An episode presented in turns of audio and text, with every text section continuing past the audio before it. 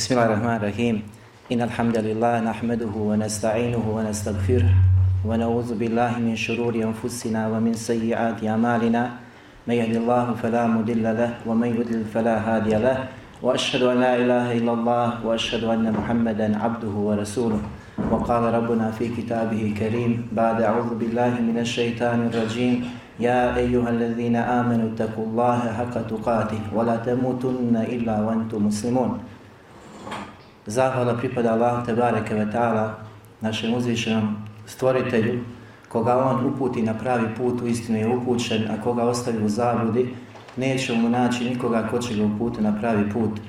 I svjedočim da je Muhammed sallallahu alihi wasallam posljednji Allaho poslanik poslan sa istinom. Zatim uzvišeni plementi gospodar kazao je svojoj plementoj knjizi o vjernici, bojte se Allah istinskom bogobojaznošću i ne umrite nikako drugačije osim kao muslimani.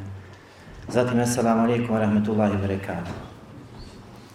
Hvala Allah, te barek ve ta'ala koji, koji nas je počastio i okupio na ovom mjestu da se družimo i da govorimo nešto o njegovoj plemenitoj knjizi, o porukama kuranskim i hadijskim. Također zahvaljujem svima vama koji ste se odazvali i došli večera da se družimo, a posebno našim organizatorima koji se potrudili na ovo sve pripremljeno. Zatim tema o kojoj sam mislio večeras nešto reći je tema koja je po meni značajna, bitna, prije svega što se tiče onog dijela društva koji su najuticajniji, najbitniji, najznačajniji, a to je omladina.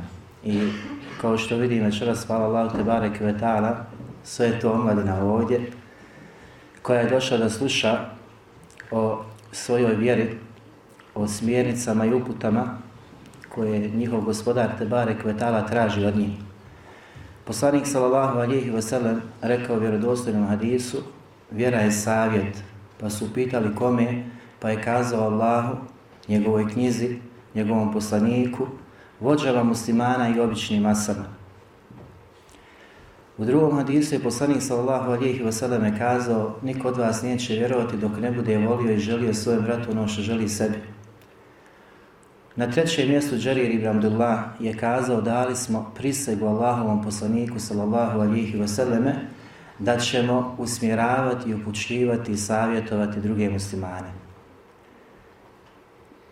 Što znači da je od naše vjere da se savjetujemo, da ukazujemo jednim drugima, da upućujemo na ono što je dobro, na ono što Allah te bareke ta'ala voli i što voli njegov poslanik sallallahu alihi wasallam.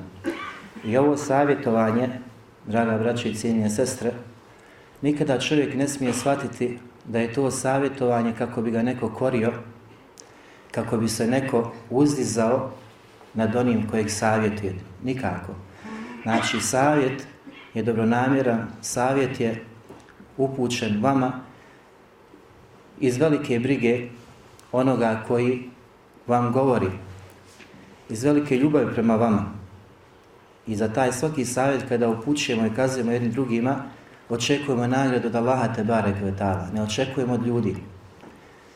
I to je ono što nas duži din, čime nas duži Allah te barek vetala i njegov poslanik sallallahu alihi wasallam. I zato su u hadisu kaže da vjera savjetuje, odnosno vjera nas uči i podučava da vjerujemo Allaha subhanahu wa ta'ala, da vjerujemo u njegovu knjigu, sve ono što se nalazi u njoj, da vjerujemo u poslanika sallallahu alihi wasallame, u sve ono sa čim on sallallahu alihi wasallame došao i da upućujemo naše vođe, naše predvodnike, da ih savjetujemo kada vidimo da griješe, da im ukažemo na pravi put. Kao isto tako da savjetujemo sve ostale obične mase, obične masa, mi prije svega smo sami, jedni, jedni od njih. I vidimo, znači, također iz hadisa, da kada su davali prisegu poslaniku, sallallahu alihi vseleme na vjernost, dali su mu između ostalog prisegu, da će opominjati i upućivati muslimane. I to je naša obaveza. To je naređivanje na dobro odvraćanje od zla. I kada to budemo imali u našem društvu, možemo se nadati hajru i dobru. Čim to izostane iz društva, možemo očekivati propasti, ne da ću, odnosno, kaznu da lajate bare kvetala. Također treba da znamo da nakon savjetovanja, kada vas neko posavjetuje, čovjek treba da pogleda da sagleda svoju situaciju. Znači, koliko je zaista u redu ono u što ga čovjek poziva i čime ga opominje. Da sagleda sebe, da vidi, da to prihvati, da zna da je to dobro namjerno. Ne da odbija istinu. Ne da odbija istinu. Jer kako kažu učinjaci, kada te neko posavjetuje i kaže ti usmjeri na Allah, te bare kvetala i poslanika sallallahu alihi vseleme, a ti svoj oholosti to odbiješ kao da se odbio Allahov govor i govor poslanika sallallahu alihi vseleme. Tako da čovjek treba biti spreman da prihvati savjet, da ga prihvati i da radi po njemu. Kako bi se okoristio, jer svi mi, svi mi griješimo i nema među nama ljudi koji su savršeni. Koliko god da oni izgledali, koliko god da oni izgledaju našim očima veliki, krupni, da li su to neki alimi, da li su to daje, da li su imani, da li je bilo ko, svi imamo nedostataka i svi mi griješimo.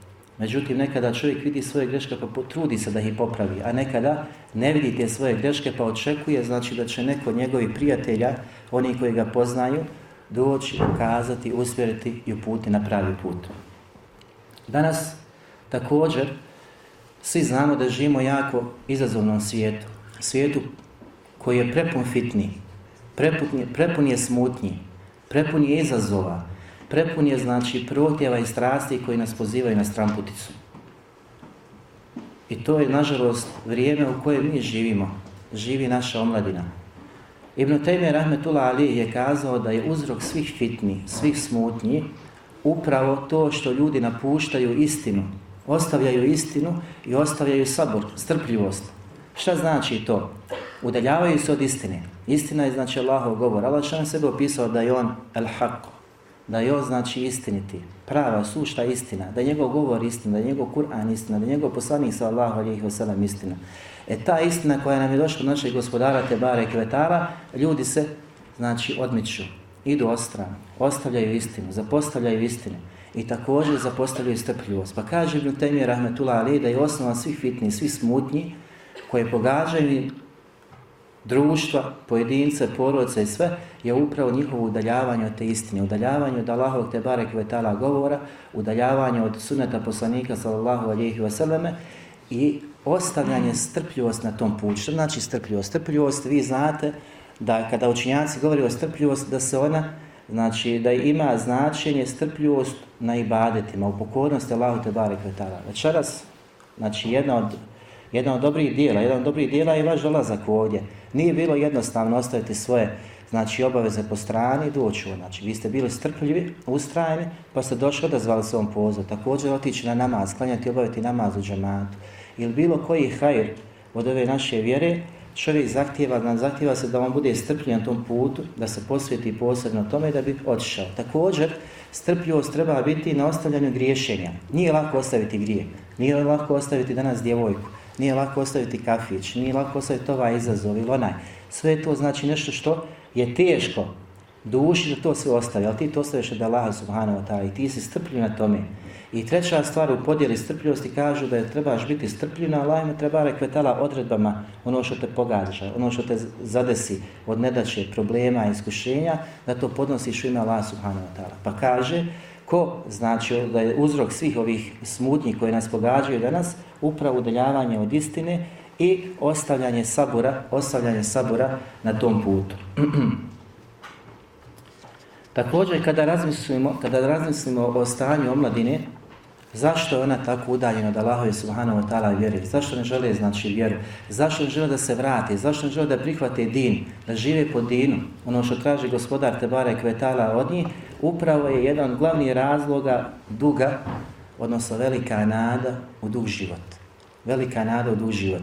I to je problem danas, znači svih nas. Da čovjek kada vidi, znači da ima problema, da ima nedača, da onaj, ga ljudi pozivaju, da ga ljudi usmjeravaju, da onaj pozivač tamo kaže dođi u džamiju, dođi da zove se gospodarom, kaže neki ima vremena. I ta nada u dug život je jedna od najopasnijih, najopasnijih znači, stvari koje koje nas putavaju na putu ka Allahu te bareke wa ta'ala. Hasan al-Basri rahmetullah alih je kazao, neće čovjek osjetiti veliku nadu u dug život, a da neće ta ista nada, ta isti postupak upropasti njegov, njegovo djelo. Šta znači? Da neće prouzrokovati da on ostavi djela. Duga nada, znači nada u, u dug život, prouzrokuje da čovjek ostavi dobra djela, da ne radi. Zašto? Jer se nada da će on nekada u budućnosti se vratiti, da će on se nekada u budućnosti popraviti i da će on prihvatiti da radi. I zato ona prouzrokuje da ljudi ostavljaju istinu, da odgađaju teubu, da odgađaju dobra djela, da odgađaju namaz, da odgađaju hađi, da odgađaju post, da odgađaju sve ono što je Tebare Kvetala na da se radi, izvrši u trenucima kada su mogućnosti. Nema tu znači da li da čovjek da bira hoće ili neće, to ti obaveza ako si musliman, ako želiš biti musliman, ako želiš biti pokoran, Allahu te bareke ve taala moraš to prihvatiti. Moraš to znači raditi. Mora se odazvati Allahu te bareke ve taala u potpunosti. Ali ova nada je e, problem za čovjeka jer on kaže dobro danas neću, sutra ću. Za mjesec dana, može tamo nekoj 40. 50. 60. godini. I svak sebi to odgađa i onda je to problem. A niko nije siguran kad će ga smrt zadesti. Niko nije siguran kad će ga smrt zadesti. Jedne prilike poslanik sallallahu alejhi ve kako nam prenosi Abdullah ibn Mes'ud je uzeo i nacrtao kvadrat ljudima. Znači poslanik sa osele uzeo i nacrtao kvadrat. Zatim je izvan kvadrata nacrtao jednu liniju. A onda unutar tog kvadrata sa lijeve i desne strane male i kratke crce. Pa je kazao da je ova, znači, prostor unutarnji, prostor čovjekovog života. To je insan, čovjek. Svrga ga prijeba sa svih strana. A on, šta? Ima dugu nadu u svoj život, koja je izašla iz tih okvira, tih granica. Pogledajte kako je poslanik sa Saloselam slikovito prikazao čovjeka, insana i njegovu nadu. Da ta nada uvijek znači izlazi iz okvira njegovog života. Pa se on nada da će nekad nešto uraditi. I na tom putu dok se on nada, smrt ga pretekne. Koliko je danas omladine subhanala, koja je preselila, koja je napunila kaburove, koja je juče razmišljala će danas nešto uraditi, a nije među nama. Danas isto razmišljala će sutra uraditi, a već večeras će preseliti vrat sa Allah te barike vetala. Znači da čovjek kada pogleda i sagleda stanje, vidi da ga smrt vreba sa svih strana, a on je i dalje nemaran i nehajan prema Allahovim tabare kvetala propisima i granicama. Kada pogledamo život ashaba poslanika sallallahu alijih veselam, vidjet ćemo da oni koji su se najviše odazvali poslaniku sallallahu alejhi ve sellem, koji su ga pomogli, koji su ga osnažili, koji su dali sve što su imali, dali su da bi ojačali tu vjeru, da bi ojačali poslanika sallallahu alijih i da bi ojačali i osnažili njegov poziv sa kojim je došao znači da poziva Allahu te bareke ve ta'ala. I ta omladina treba da nam bude uzor. Ta omladina treba znači da bude ta na koju ćemo se mi ugledati, na koji ćemo se pozivati i koji će nam uvijek znači biti ta neka dodatna, e, dodatna snaga da budemo bolji, da budemo znači e, da se više žrtvujemo za Allahu te bareke vetara vjeru. Jedne prilike je Mejmun ibn Mihran držao predavanje prijateljima, pa je u toj publici bila grupa gdje su bili starci, bila je grupa gdje su bili mladići. Pa se okrenuo prema starcima i kaže, šta mislite, šta slijedi, šta slijedi, znači, plodove, kada oni dožive svoju blijedost. Kažu da misli, znači, svi su odgovorili da slijedi žetva. Ta blijedost je, znači, kada sazriju plodove da je žetva u pitanju. Zatim se okrene omladini i kaže, znate li vi omladino, da mnogi, e, da mnogi plodovi koje mi posijemo, sadnice, ne dožive, ne doživio u blijedo. Zašto? Zato što je pogote nedaće, nepogode vremenske, pa i uništio u toku, u toku znači samog izrastanja. Što znači da im je ukazao da smrt, kako pogađa starce u njihovim godinama, također da ne treba da se zavara mladić niti djevojka, da će doživjeti u starost, jer u toku toga naleti, znači nepogoda neka vremenska i uništi usjeve, uništi sve. Tako da smo svi mi tu izloženi i da ne znamo kada će ko od nas se vrati svome gospodaru. I zato kaže poslanik sa selam jednom hadisu da je od predznaka sudnjega dana pojava iznenadne smrti. I mi danas smo svjedoci. Koliko je raje koje mi poznajemo mlade, preselila je vratila sa Allahu subhanahu wa ta'ala, a imali su neke svoje neostvarene ciljeve. Svi su oni zacitali nešto život, šta će završiti, fakultet, posao, žene, dva djeca. Sve, čak su razmišljali možda kako će unčad imati. Ali je smrt pretekla. Nije se pripremili. Nije se vratilo Allah subhanahu wa ta'ala spremni. I zato mi, večeras kada govorimo o svim ovim dešavanjima, mi treba da izvučemo pouku, da je izađemo sa ovog predavanja daleko, znači, bolji, svjesni našeg života, našeg vremena i povratka Allahu, tebareke, tebareke ve ta'ala. Jedne prilike Hakim napisao svome bratu pisma u kojem je, znači, stajalo. Znaj, kaže, da smrt pogađa u većini slučajeva omladinom. U većini slučajeva omladinom. A kaj dokaz tome je da vrlo malo starih osoba je živi, da živi među nama. Znači, pogledajte danas kad pogledamo familije naše, koliko mi imamo starih osoba u familijama, a koliko imamo omladine. I smrt, kada zadesi tu familiju, zadesi znači u omladinu. U omladinu. Ostane dedo, dedo živi na ana, tamo djeca, unčadi umiru. Znači, jako puno mladine umire. Jako puno mladine, znači, nestaje. I to je, znači, jedan poučan primjer. Zatim je Abbas radi Allah anhu je kazao, a ovo nam treba biti, znači, nešto jako važno, jako bitno. Kaže, Allah nije dao čovjeku znanje osim u njegovoj mladosti. I svako dobro je, kaže, u mladosti. Svako dobro je u omladini. A zatim je proučio ajete, kalu sami'na mi'na feten jazkuruhum i lehu Ibrahim. Za Ibrahim, ali salam, kada je srušio kipove. Pa ga opisuju, kaj čuli smo da je to jedan mladić. Jedan mladić koji je došao, znači koji je pokudio naša božanstva, a zatim je srušio. Mladić je to bio. Zatim kaže dalje, nahnu na alejke nebe'ahum bil haqq, innahum fitjetun amenu bi rabbihim vazidnahum huda. Allah Đelšan govori za mladiće koji su sakli u pećinu, kaj zaista ćemo te mi obavijesti, znači o istim tom događaju, šta je bilo, to su u istinu bili mladići, omladina koja je vjerovala Allaha te bareke ve taala pa su i mi povećali uputu. Omladina, znači omladina koja je se tada izdvojila sa svojom vjerom u Allaha te bareke ve taala, jedini koji su vjerovali. Jedni koji su Allah tebara ve tala obožavali su bili mladići. Zatim kaže treći ajet koji citirao kao dokaz da je omladina, znači da u njima snaga. Ja Jahja huzil kitabe bil kuva. Allah šan kaže, o Jahja, čvrsto se prihvati ove knjige. Zatim kaže dalje, wa tejnahul hukume sabija. I zaista smo mi dali mudrost još dok je bio dječak. Kome? Jahja, ali salatu wasalam. Znači, dao, dao mu je Allah te bare kvotala mudrost, dao mu je znanje, dao mu je razumijevanje, dao mu je da on shvati šta je dobro, šta je zlo. Šta je to što treba slijediti? I danas, nažalost, mi vidimo da nama u našem društvu, ne samo ovdje, nego svudje, jako malo daju šansu da se omladina ističe, da omladina znači, povlači poteze, da omladina donosi odluke. Dok ćemo sad vidjeti iz primjera koji slijede da je omladina u vremenu poslanika sallahu alihi vseleme zauzimala jako značajne funkcije.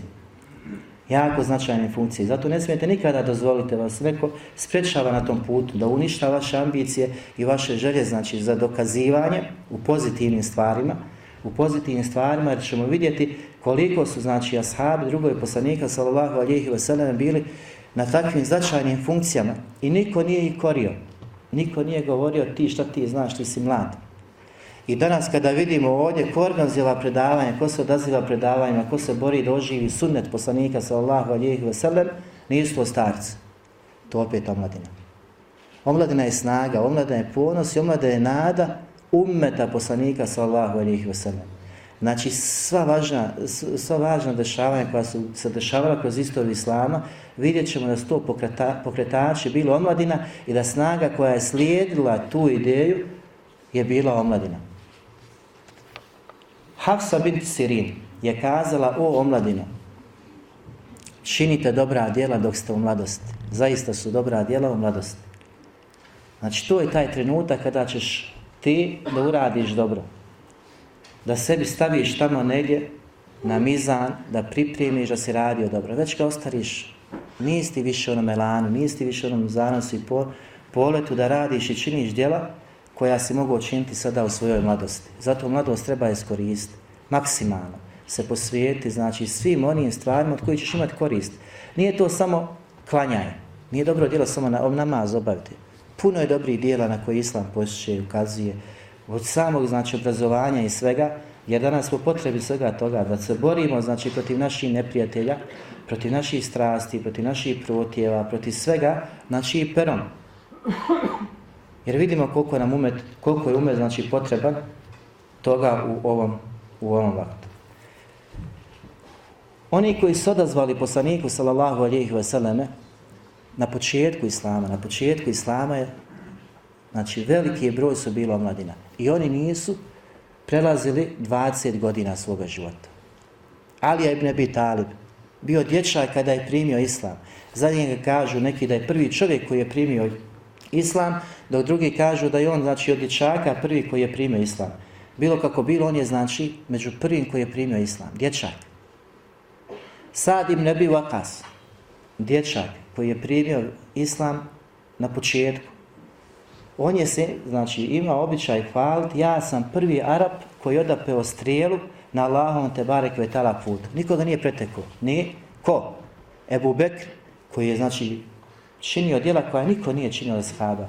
Omer radi Allahom. Se mogu pohvaliti im? Nije. Je se mogu Osmar radi pohvaliti im? Nije. Znači niko Alija, čak ni Alija se nije pohvalio tim. Sad ibn Abi Vakaz kaže, ja sam prvi koji odapeo strijelu na Allahom putu i zaista smo se borili za Allahovog poslanika, sallallahu alihi veseleme, a nismo imali ništa da idemo osim liša.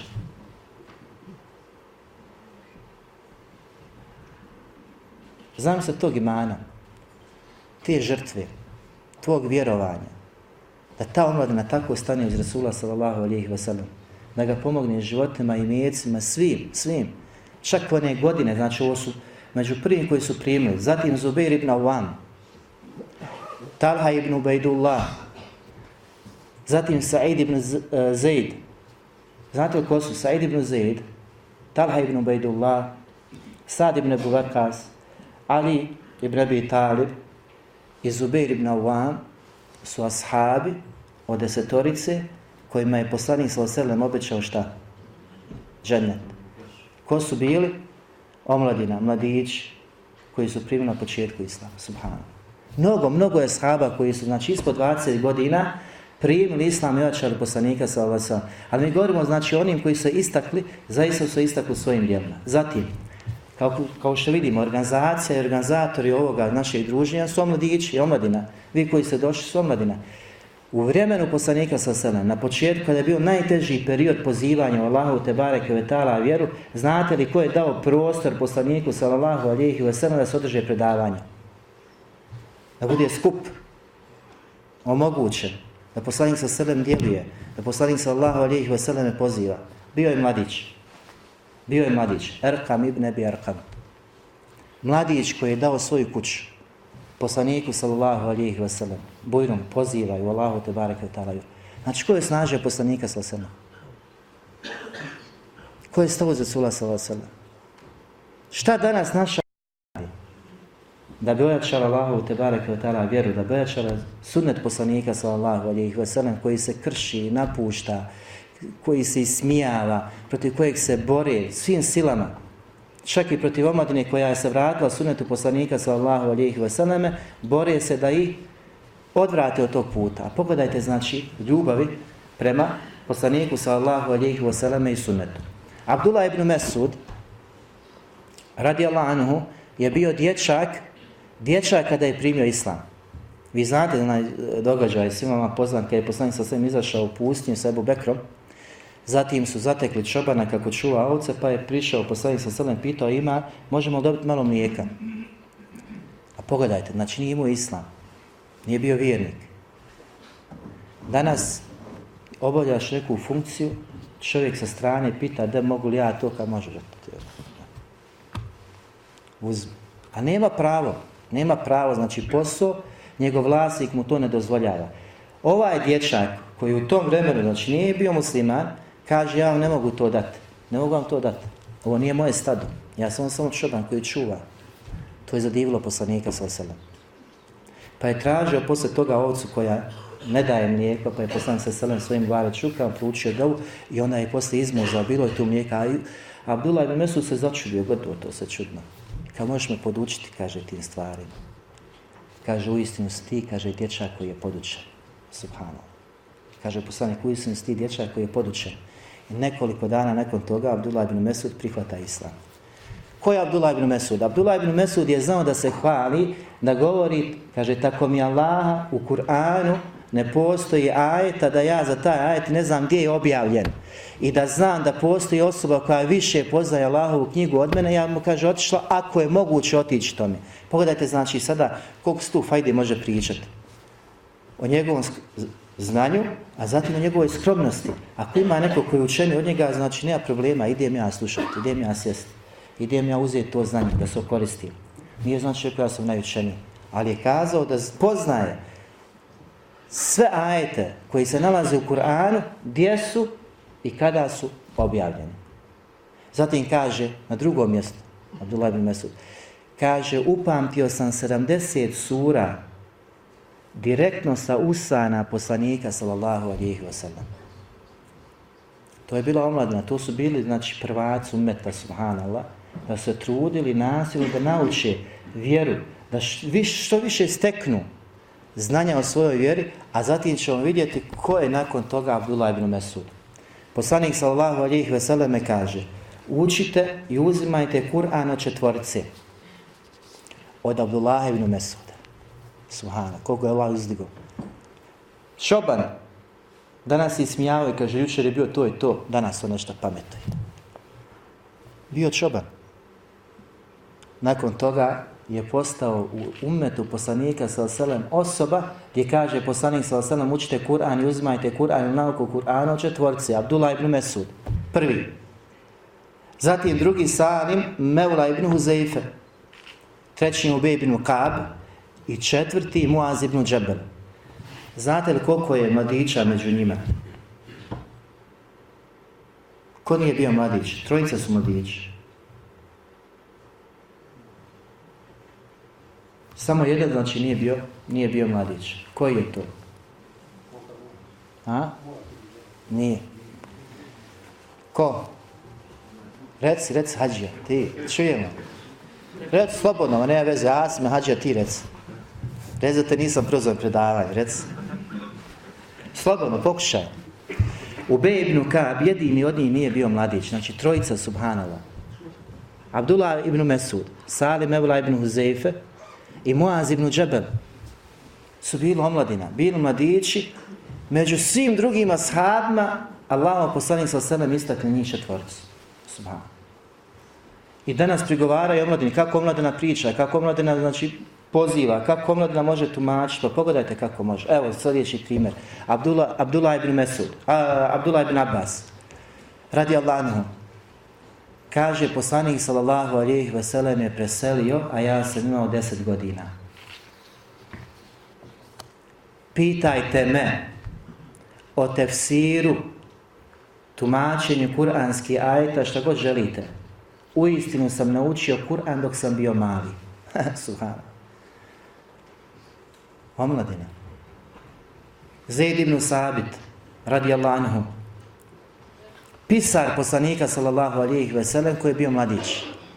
Znate što znači pisar? Prva ruka poslanika, sallallahu alijih Poslanik, sallallahu bio šta? Nepismen. A on, radi anhu, je bio tu koji je prevodio poslanik, sallallahu Pisao ime poslanika, sallallahu alijih veselem.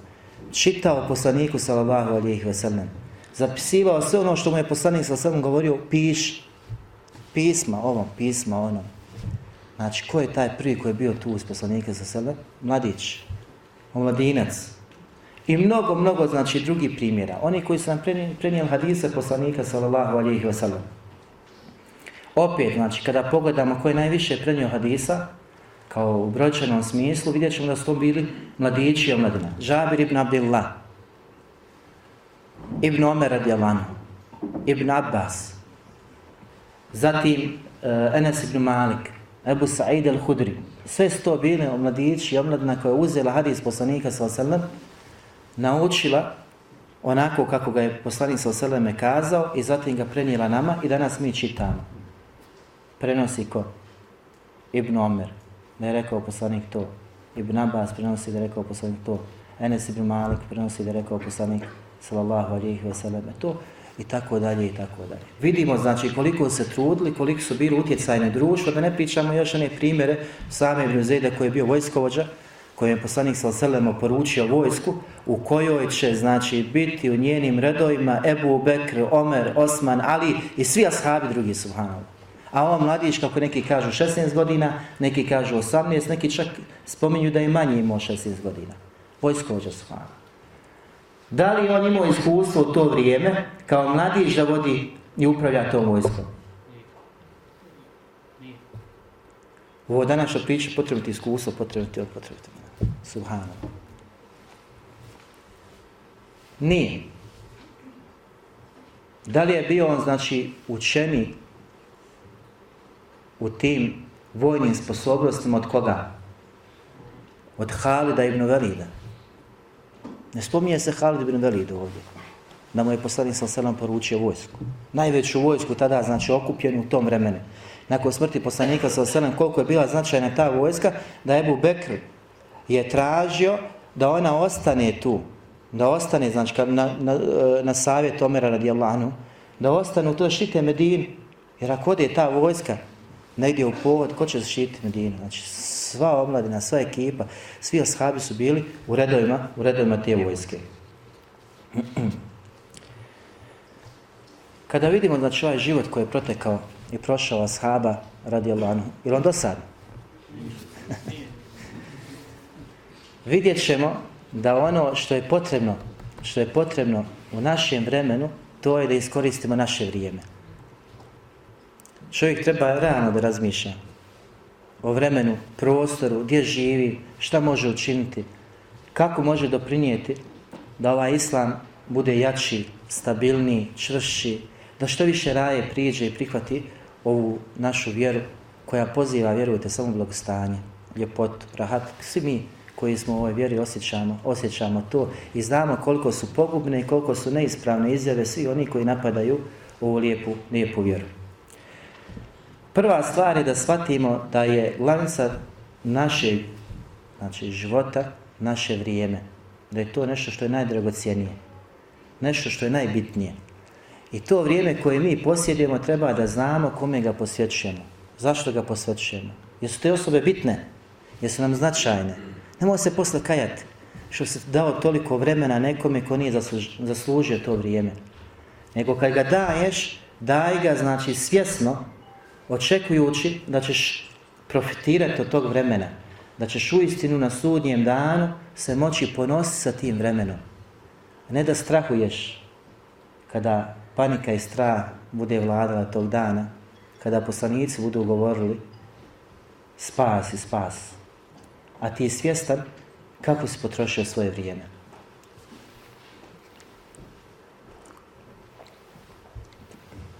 Ibn Dževzi rahmetullah alihi, kaže obaveza je svakom onom koji čvrsto vjeruje i čvrsto zna da ne zna kada će umrijeti, da se za tu smrt pripremi da iskoristi svoje vrijeme. I zatim kaže, znajte da oni koji najviše umiru su mladići i omladina, a nisu starci. Šta želi poslati? Kako želi poslati poruku?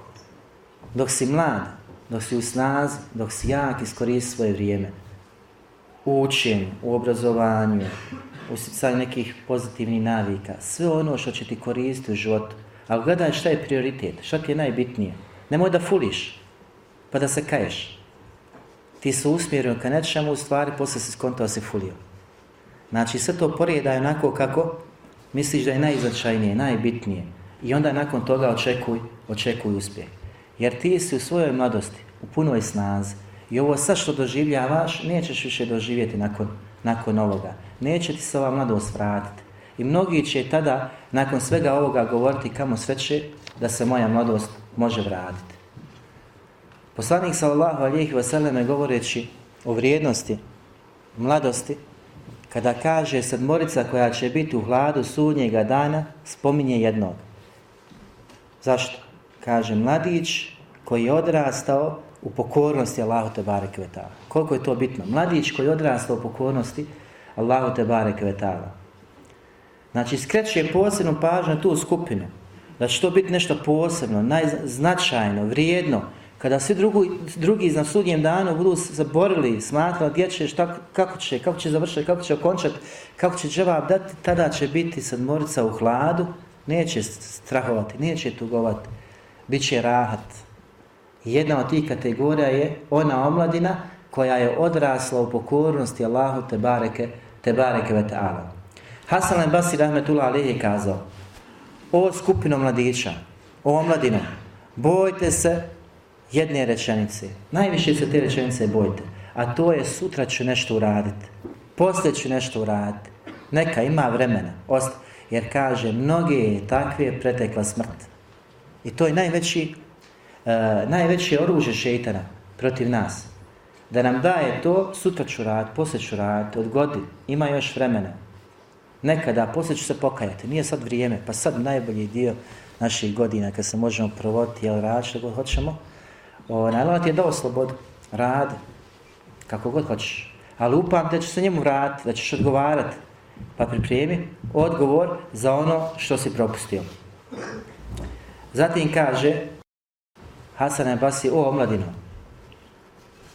trudite se da steknete ahiret. Trudite se da steknete ahiret. Jer kaže, tako mi Allaha, niko se nije trudio da stekne ahiret, a da mu Allah Đelešanu nije dao i šta? Dunjaluk.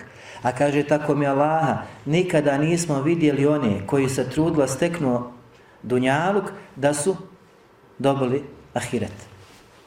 Razumijete? Znači, ako čovjek na ovom dunjanku se bude borio isključivo da zasluži Allahovo zadovoljstvo od i dženska prostranstva, Allah Đelešan će zbog tog truda dati mu i dunjanuk. Ali ako ti zanemariš ahiret i samo se posvjetiš dunjalučkim dobrima, Allah Đelešan će ti uskratiti ahiret. Znači, nikada nisu vidjeli onoga koji se borio za dunjanuk da mu je Allah dao i ahiret, ali su vidjeli i doživjeli da onaj koji je gledao da nastoji da zasluži Allahovu bliskost i džennet, da je dobio i džennet, da je dobio i da je dobio dunjalog. I tako znači u svim drugim stvarima. Zatim kaže poslanik sa selem, iskoristi pet stvari prije nego te spriječi drugih pet. I ovo je jako bitan hadis. Ovo je znači suština. Iskoristi svoj život prije smrti. Svoj život prije smrti. A obrate pažnju, život prije smrti. Zatim kaže poslanik zdravlje prije bolesti. Zatim slobodno vrijeme prije zauzetosti. Mladost prije starosti. I bogatstvo prije siromaštva. Život prije smrti, zatim dolazi ponovo. Mladost prije starosti. A u drugom hadisu kaj neće se noge Allahovog groba pomoći na sudnjem dan dok ne bude upitan za četiri stvari. Za svoj život, kako ga je proveo. Za svoju mladost, također kako mu je znači, prošla za imeta kako ga je stekao i kako ga je potrošio i za svoje znanje koje je isto tako naučio da li je radio po tom znanju neće se mnoge roba pomaći dok ne bude upitan i vidimo u jednoj i drugoj stvari da poslanik Salaselem ovdje nagovještava dvije stvari cijelokupni život čovjeka znači da ćeš pitan biti za cijeli svoj život a posebno znači nagovještava ćeš biti pitan za mladost. zašto? Zar nije mladost dio našeg cijelokupnog života? Jeste. Zašto kaže poslanik sa selem i život i mladost? Zato što je mladost najznačajniji, najbitniji, najvredniji čovjekov dio života. Zato ćeš biti pitan. A vidjeli smo kako su bila sahabi, radi Allahom. Zatim, Ibn Abidin, govoreći, zač, začim će dženetlije tugovati, želiti. Šta, miti, šta mislite začim kad ljudi uđu u dženet, začim će on želiti od unjaličkih stvari.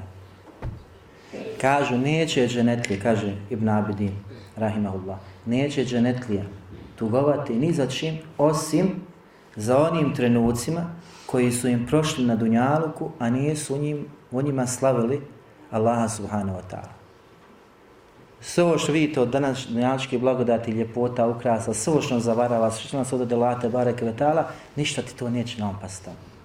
Ali će ti naopasti svaki ovaj trenutak kad si dolazi ovdje, da li si govorio subhanallah, alhamdulillah, Allah, akbar, la ilaha illallah, Allah.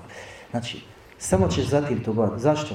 Zbog onih nagrada koje su tamo i vrijednosti kad vidiš onaj, što nisi znao, jer u dženetu ima ono što oči nisu vidjeli uši što nisu čule i što mašta nije mogla nikako pomisliti. To nas očekuje tih skrivenih velikih nagrada. I kada uđeš u džinu, kada vidiš sve to bogatstvo i sve tu ljepotu i sve to što ti je gospodar pripremio, kajačeš se. Što to gospodara te bare kvetara nisi više slavio, veličao. Ali ćeš biti zahvalan na svim tim blagodatima koje su ti ukazane. Sljedeća stvar, nakon što shvatimo vrijednost našeg života, vrijednost uh, naših trenutaka, u ovim koracima prema gospodaru Tebare Kvetala treba da obratimo i pažnju na naše društvo.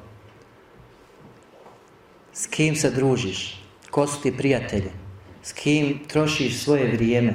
Da li je to ona skupina koja je, s kojom je Allah Tebare Kvetala zadovoljan ili je to ona skupina koja te odvodi od Allaha Tebare Kvetala? Društvo, ako ti je loše, ne možeš biti dobar. Teško da ćeš se izboriti ali društvo koje je korisno i dobro, koje će te usmjeravati, ukazivati na pravi put, raduj se. To je ono društvo koje Allah te bareke ve taala traži od tebe. Allah što kaže: "Wa yawma ya'addu zalimu ala yadayhi yaqulu ya laytani ittakhadhtu ma rasuli sabila." Na sudnjem danu će zalim koji je činio nepravdu prema sebi kazati, a dok to bude govorio, grišće se za svoju ruku. Kamo sreće da sam slijedio put poslanika sallallahu alihi wasallam.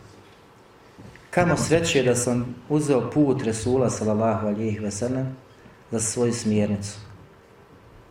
Zatim što kaže Ja vejleta lejteni lem etahiz fulanen halila. Kamo sreće teško meni što sam uzeo tog i tog za prijatelja.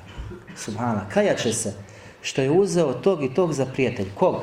Kaže Allah Đelšan, lekad edalleni ani zikri bade izđaeni, vokane šeitanu lil insani hazula. U istinu me on, taj moj prijatelj, odvratio od spomena i onoga sa čim su mi došli od Kur'ana i njegove vrijednosti, onoga znači cijelog Islama, pa ga je slijedio. A kaže onda na kraju, A šetan je uistinu taj koji će čovjeka ostaviti na sjedu. Ostaće ga. Šetan je takav, zavedete, pošaljete grupu, odvratite od Allaha te bare kvetala puta i onda na kraju se izmakne. Jesu propašćeni. Tako će se kajati na sudnjem danu oni koji nisu odabrali pravo društvo, koji nisu bili u pravom društvu i koji su dozvolili da ih zavedu drugi. Od spomena i pravog puta, odnosno Kur'ana i suneta poslanika sa sebom. Zatim kaže Allah šanu Vasbir nefseke ma'a ledhine jed'une rabbehum bil gadati wal ašiji yuridune vajhe I ti budi strpljiv. Znači sad druga grupa. I ti budi strpljiv sa onima koji dozivaju Allaha Đelešanu ujutro i na večer želijeći njegovo lice. Subhanallah.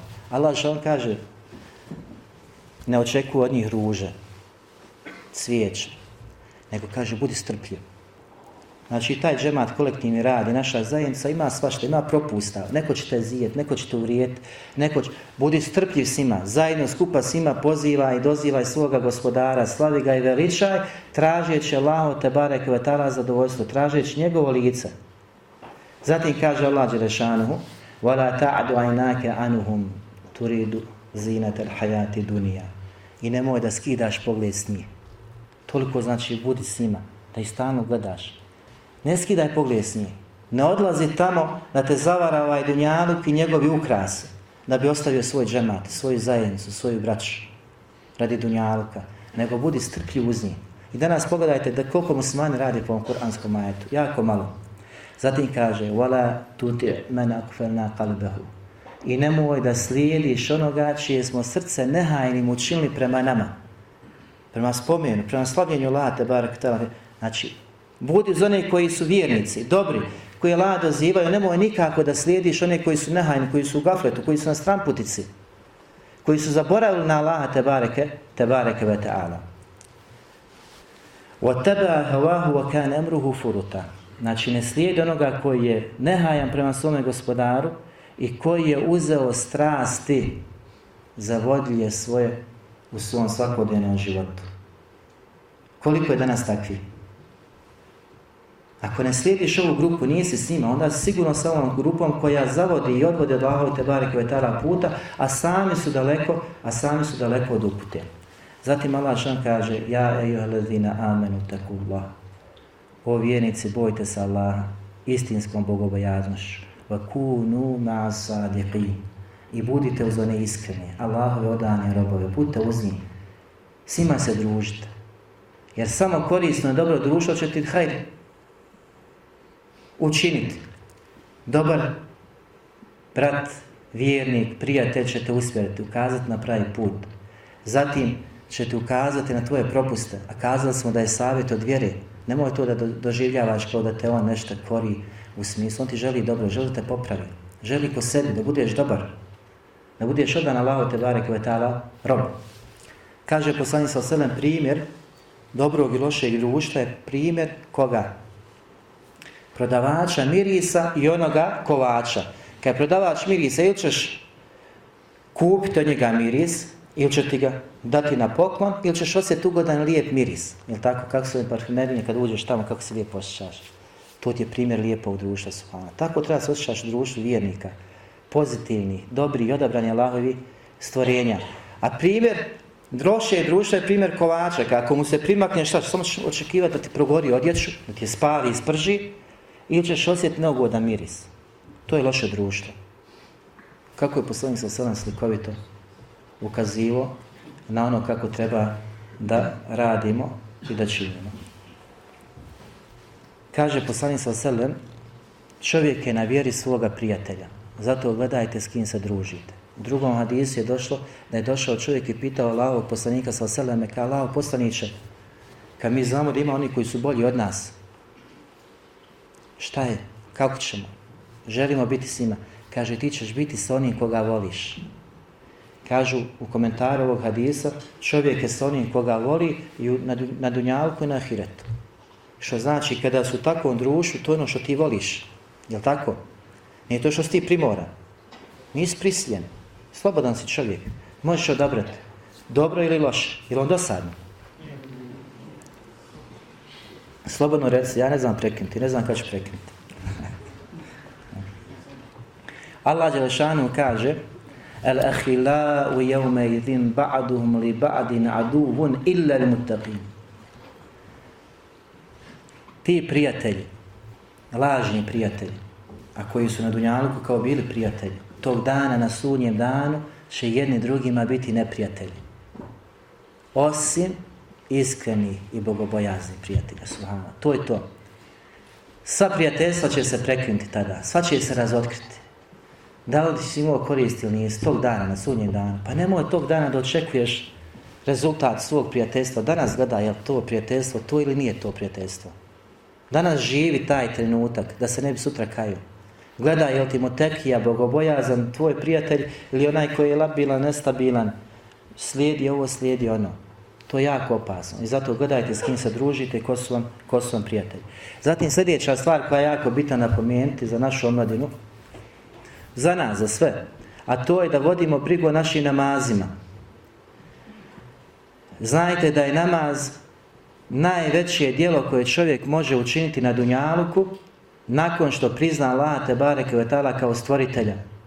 Nakon što prizna Allah i njegov uluhijet, rububijet, lijepa je savršena, lijepa je mene i savršena svojstva.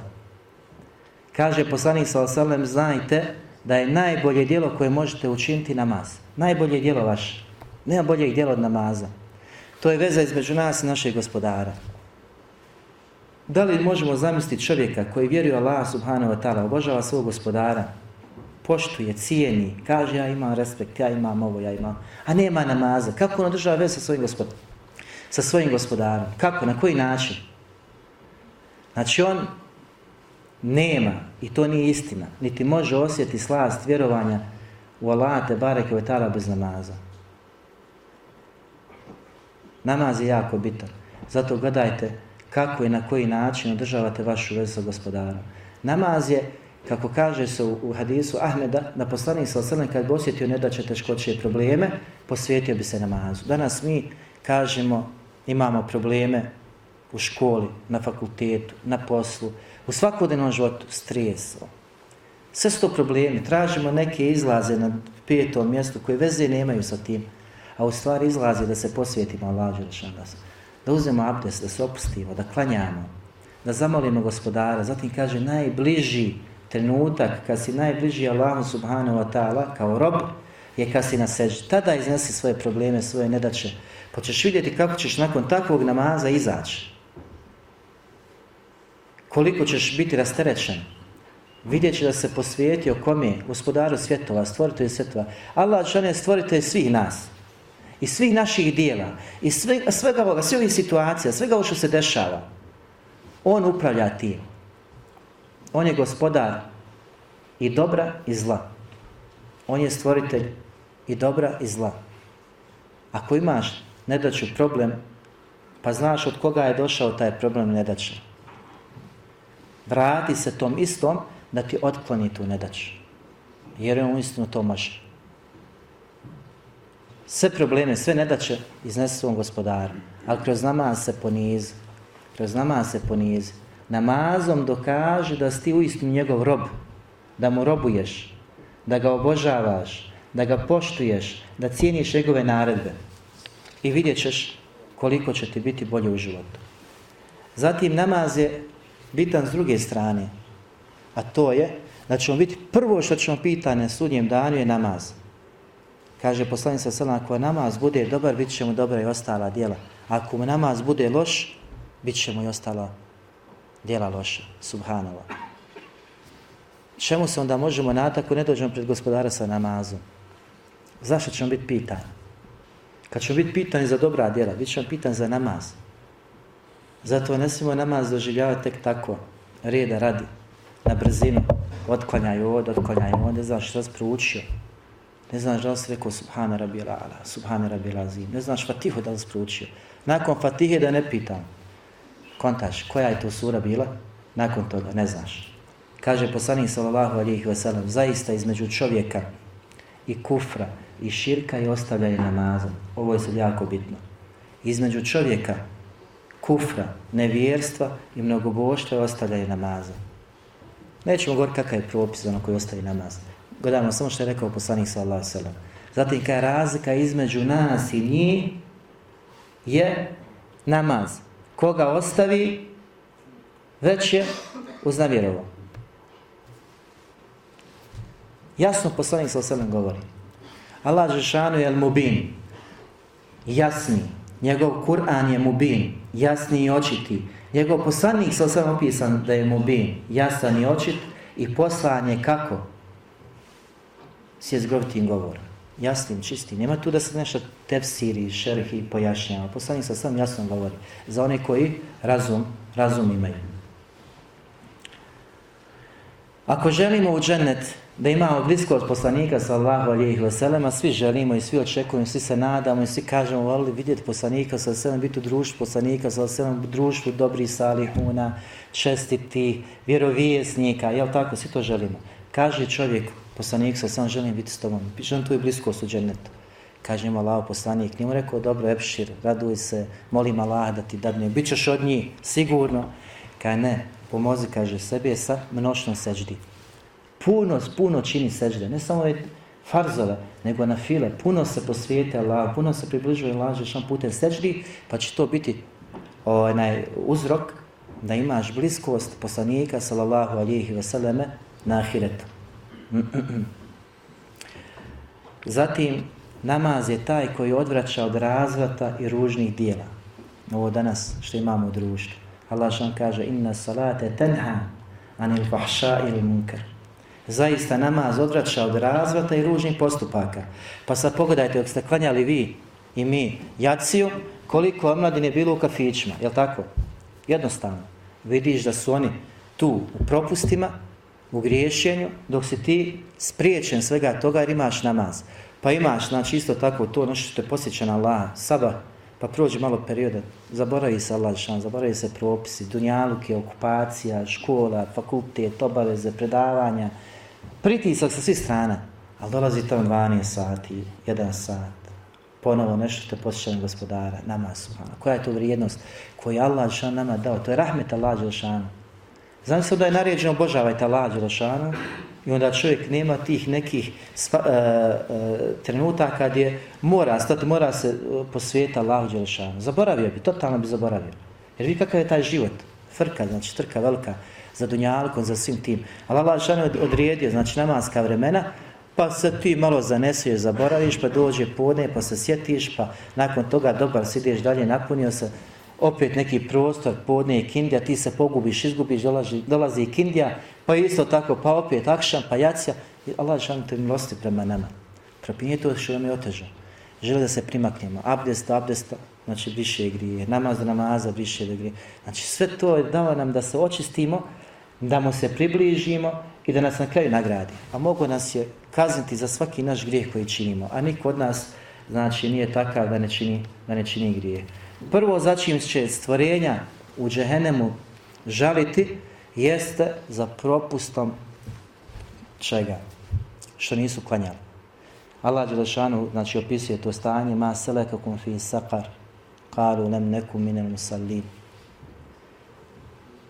Upitan će biti šta vas je dovelo ove provalije džehennemske sakara. Kažu nismo bilo od onih koji su namaz obavljali. Prva stvar, začin će tugovati, žaliti je namaz. Sad Allah te počastio, dao ti snagu, dao ti kuvet, dao ti život. Iskoristi, posvijeti se Allah subhanahu wa ta'ala. I onda ne brini kako ćeš, na čemu ćeš preseliti ako se vratiš gospodaru te bareke wa ta'ala. Jer se sve naše pika po našim konačnicama, završnicama. Kako preseliš, u kom periodu preseliš, takav ćeš i biti, odnosno takav ćeš proživljen biti. Sljedeća stvar koja je jako bitna kao savjet jeste gledaj od koga uzmaš šarijasko znanje.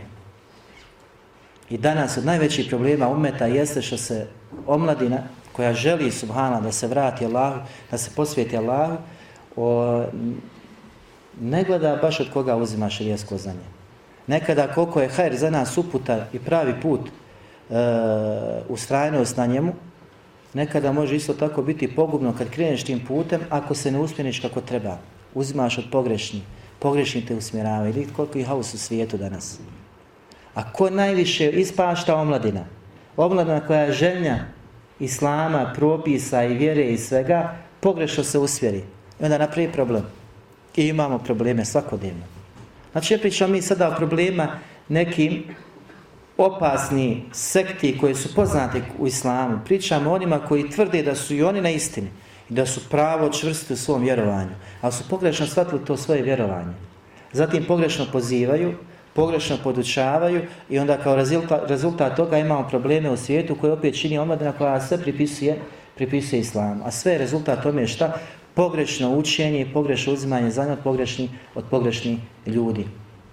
Zato nastoj da budeš blizu najučeni, najistaknutni, najboljih daija, oni koji imaju najviše znanja, sve svoje probleme, sve svoje nedače, njima iznoste, njih pitajte, od njih tražite savjet i oni će vas uspjeti ka Allahu te barek ta usmjer će vas ka sreći, zadovoljstvu i uspjehu i na ovom i na onom svijetu.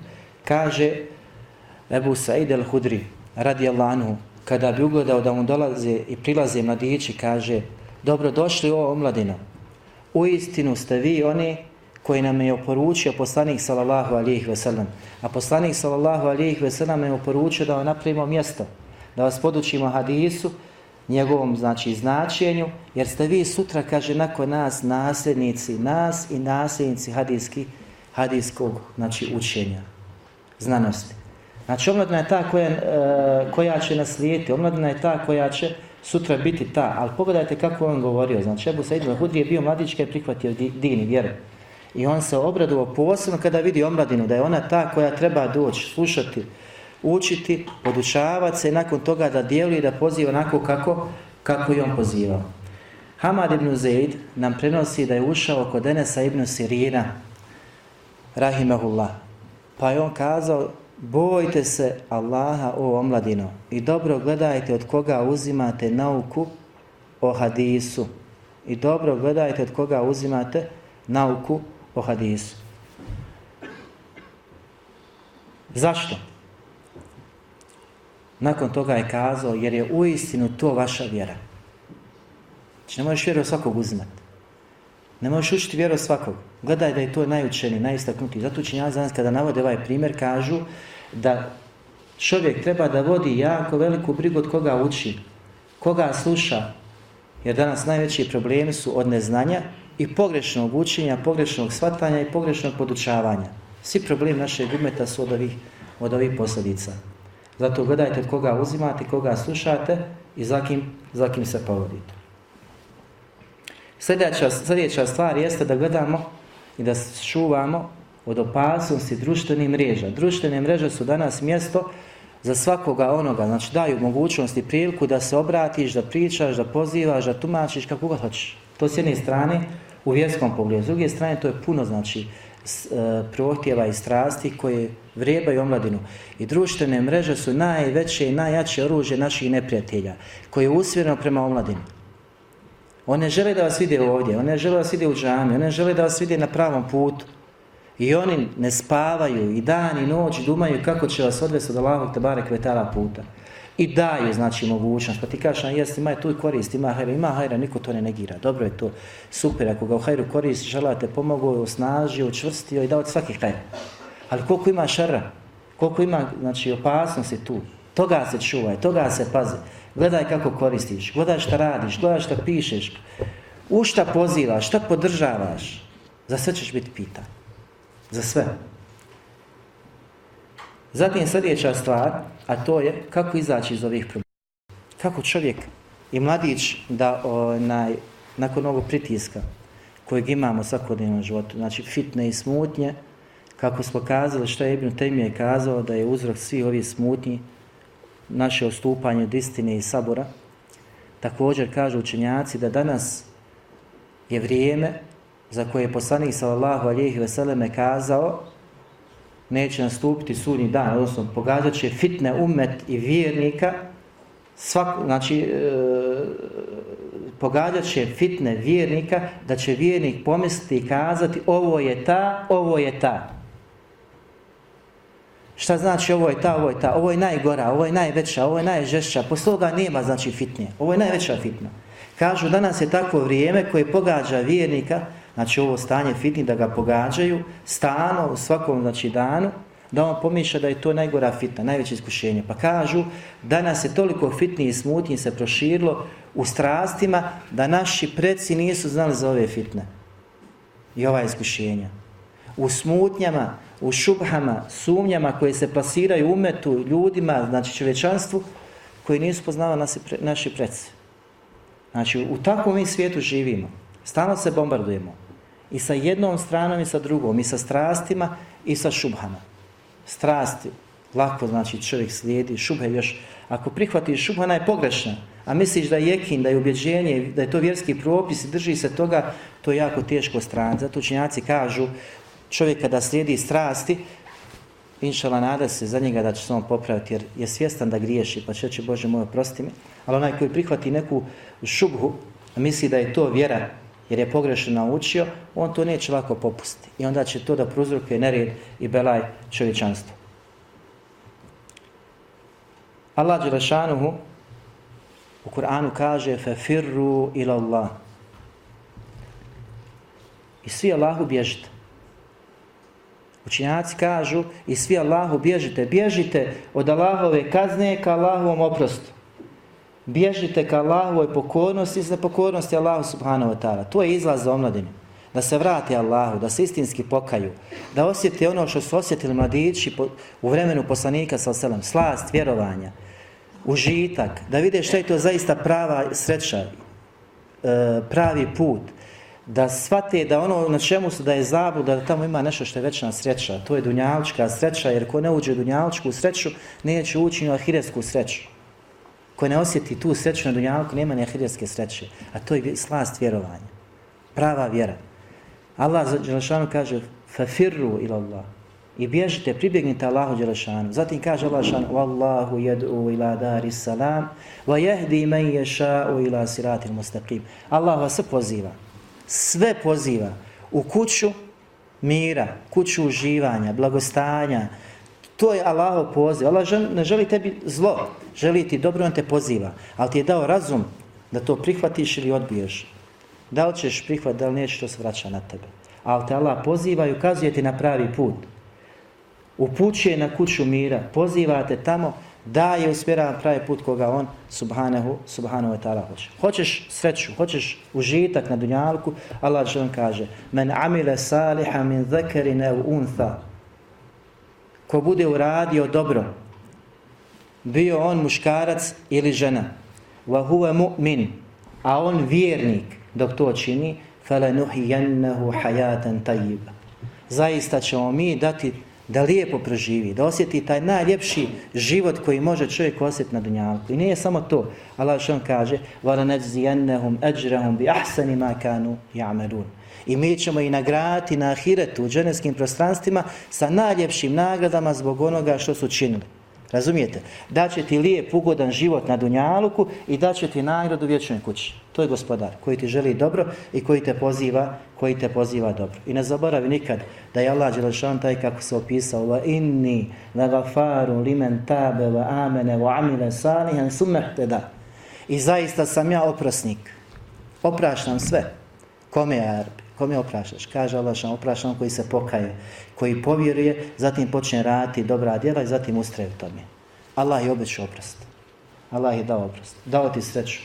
Užitak u iman. Tako ćeš samo osjeti, tako ćeš uživati i dao ti vječno zadovoljstvo na hiretu.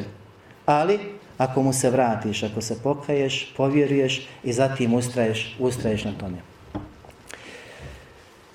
Jedne prilike, je došao čovjek Ibrahimu ibn Adhemu. Ja vam se odužio, sad ćemo završiti. Može još tako? Ćemo prekriti. Još malo. Došao je čovjek Ibrahim Edhemu i kaže O Ibrahime, kaže, uistinu sam uradio mnoga djela. Uradio je svašta. Molim te, posavjetuj me. Ibrahim Edhem je znao kako će ljudi posavjetovati su. Koliko nam nedostaje takvi. Kaže, uradio sam mnoge ružne stvari, posavjetuj me, ukaži mi kako da se vratim. Reci mi neke riječi koje će me smiriti, koje će im podariti nadu. Kaže on, ja ću te posavjeti sa pet stvari. Ako je budeš prihvatio, budeš radio po njima, zagarantovan uspje. Kaže, dobro, reci im prvu. Kaže njemu Ibrahim, rahimahullah. Nemoj da se hraniš Allahovom obskrbom. Nemoj da koristiš Allahove blagodate. Ne uživaj u njima. Nemoj da ideš Allahovu hranu. Kaže on čovjek, kako to Ibrahim? Kad je Allah Đelešanu taj koji se brine o stvorenjima, daje da jedu, brine se o njima, a on je taj koji nije potreban hrani. Kaže mi, Ibrahim, čudan se. Znaš da se Allah Đelešanu brine o svojim stvorenjima, da ih hrani, da im daje sve i daje blagostanje, a ti kaže opet nakon toga griješiš. Kad dobro Ibrahim, reci mi drugu stvar. Kaže, kada odlučiš da učiniš grije, nemoj da živiš na Allahovoj zemlji. Kaže on, kako to Ibrahim? Za nije sva zemlja Allahova zemlja i nebesa. Sve to pripada Allah. On je stvorite svega. Gdje to da ja odem da činim gdje? Kad čudan se, uživaš u njegovom izobilju, jedeš njegovu hranu, koristiš njegovu obskrbu, živiš na njegovoj zemlji, a kaže nakon toga ponovo mu činiš na pokornost. Kaže čovjek, dobro, dajem, kaže treću stvar. Kada odlučiš, kaže Ibrahim, kada odlučiš da učiniš grije, nemoj, kaže, biti na onom mjestu gdje ta Allah Đelešanov vidi. Kaže ono je subhano, kako? Gdje je to, kaže, mjesto? Zar postoje to mjesto? Kada znamo, kaže, da naše gospodara ne obuhvata ni drijemežni san, sve vidi, ništa mu skriveno nije kad njemu Ibrahim čudan se. Pravo se kaže čudan. Jedeš njegovu hranu, živiš kada je na njegovoj zemlji. I svjestan si, kaže, to on vidi, a ti ponovo, kaže, nakon toga griješiš. Kaže on, dobro Ibrahim, dajem, kaže, četvrtu stvar. Kaže Ibrahim, kada ti dođe melek smrti, da ti uzme duš, ti mu kaže u tom trenutku, reci, ne želim umrijeti, idi, dođi nekad poslije. Kaže on, subhana, kako to? kad mi znamo i vjerujemo da smrt niti možemo brzati niti odgoditi. Smrt je onog trenutka kad Allah šan odredi. Kaže on je on čudan se. Jedeš njegovu hranu. Njegovu obskrbu koristiš. Živiš na njegovoj zemlji. Svjestan si da to on vidi na svakom znači, mjestu. Također, kaže, vjeruješ da smrt koja ti dolazi iznenada, niti je možeš odgoditi, niti ubrzati, a kad nakon svega opet griješiš. Kaj vra, kaže njemu čovjek, dobro, kaj daj, kaže, i pijetu stvar. Kaže, kada ti dođu zebanije, čuvari džehennema, kada te uhvate i povuku da te bacu u džehennem, kaj ti njima reci, ne, ne želim, želim u džennet. Kaže on, subhala, kako to, ko je to mogućnost? Zar ima neko da to može odgoditi? Da neko može, znači, uzeti, da kaj neću u džehennem, želim u džennet, kaj njemu čudan se. Jedeš, kaže, njegovu hranu, živiš na njegovoj zemlji, svjestan si da te vidi na svakom mjestu, nisi u stanju smrt da odgodiš, ne posjediš kaj ni džennet ni džehennem u ruci, a opet mu, kaže, griješiš. Kaže, mu kaj dosta. Svjedoči, kaže, da zaista se Allahu vraćam, da mu se kajem, da ga prihvatam kao gospodara, kaže, i molim ga da mi oprosti sve moje grije i popravi se i obznane svoj tavu. Subhana. I zato, draga braća i cijene sestre,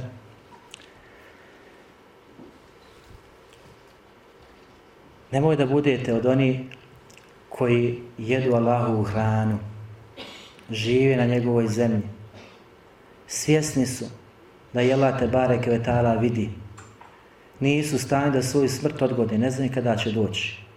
I nisu ti koji posjeduju ni džennet ni džennem u svojoj ruci, a da budete od onih koji griješe. I zato je došlo vrijeme, ali ono pravo istinsko vrijeme da se čovjek pokaje i da se vrati Allahu Đelešanu. Ma kako se osjećali? Allah Đelešan kaže Ja je ledina amenu, tubu ila Allahi, taubete nasuha. Ovi koji vjerujete Allah se pokajte iskrenim pokajanjem, pravim, istinskim pokajanjem. Takvima će Allah Đelešan oprostiti. Kome? Vjernicima.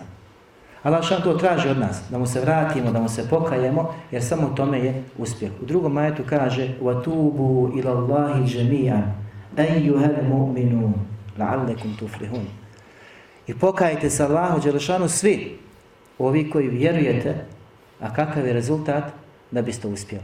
Znači u teubi je uspjeh, u povratku Allahu Đelšan je uspjeh. To je za nas sreća istinski povratak Allahu Đelešanu. I na kraju ćemo samo još navesti primjer uh, da ne kaže oni koji budu slušali predavanja pratila, a imaju više godina od ove omladine, da smo njih zanemarili. Hasan al-Basri rahmetullah ali jedne prilike je naišao na čovjeka pa ga je upitao, kaže, koliko imaš godina? Kaže on 60. A Hasan Basri je znao uvijek da ukazuje i upućuje na ahiret. Kaže, da li si, kaže, pomislio da je nastuplo vrijeme kada ćeš napustiti, kaže, ovaj svijet. Čovjek se prepadne. Kaže, inna lillahi ve inna ilihi rađun. Ali on baš strčano izgovorio. Kaže, mi smo Allah, njemu se vraćamo. Kaže, mu Hasan al-Basi, ne ostavlja ga. Kaže, da li ti znaš tumačenje tih riječi? Kaže, čovjek, reci mi, kaže, ti sa Alim učen, poduči me. Kaže, to znači, inna lillahi wa inna ilaihi rađi'un, mi smo istinski pravi Allahovi robovi i svi ćemo se Allahu Đelešanu vratiti. A kada znamo da ćemo se Allahu Đelešanu vratiti, kaže onda, znaj da ćeš biti pitan. A kada budeš svjestan da ćeš biti pitan, pripremi Allahu Đelešanu odgovor za svoje stanje. Kaže čovjek, dobro, kaže Hasan, kao čemu izlaz, kako da se izvučem? kako da se spasim. Kad njemu Hasan Abasi kaže, izlaz je jednostavan. A to je, kaže popravi ono što ti je ostalo od tvoga života. Biće ti oprošteno ono što je prošlo. A ako pokvariš ono što ti je ostalo od tvoga života, bit ćeš pitan i kažen za ono što je prošlo i ono što si znači, koristio u ostatku svoga života. Zato vidimo znači, da, Allah, e, da nas vjera uči da nikad nije kasno da se čovjek vrati i pokaje ako je u životu ali je fazon ovdje ko je taj koji zna koliko će živjeti kad se dolazi iznenada. Ali već ako čovjek u godinama, da ne gubi nadu Allahu te bare koje tala milost, da Allah Đelešanu oprašta i prije nego što završimo, znači tri stvari su jako bitne, da vodimo pravo, Allahom te bare koje tala pravu, pravo našim tijelima, nama samima i pravo stvorenja. Onaj koji uspije da vodi brigu o pravu Allaha subhanahu wa ta'ala, njegovim obavezama prema njemu, Zatim ne čini zulum i nasilje sebi, niti zulum i nasilje prema drugima, takav će uspjeti. Allah Đelešanu kaže svojim riječima, ćemo se završiti, o moji robovi. Ne gubite nadu Allahu milost. Zaista Allah Đelešan će oprostiti sve grijehe. Jer u istinu mnogo prašta onima koji se, onima koji se kaju i on je neizmjerno, neizmjerno milosti. Molim Allah te barek vetala da popravi naše stanje, da nas uputi na pravi put, da nam omili ovu istinu, da nam učini istinu istinu istinom, zablud zabludom pa da se klonimo, a istinu istinom pa da je slijedimo. Da oprosti nama našim roditeljima, da nas poživi u hajru i da nas sve skupa ako boda uvede u dženet. Subhanak Allahumma hamdika šada la ilaha ila enta stakriku etubu lik.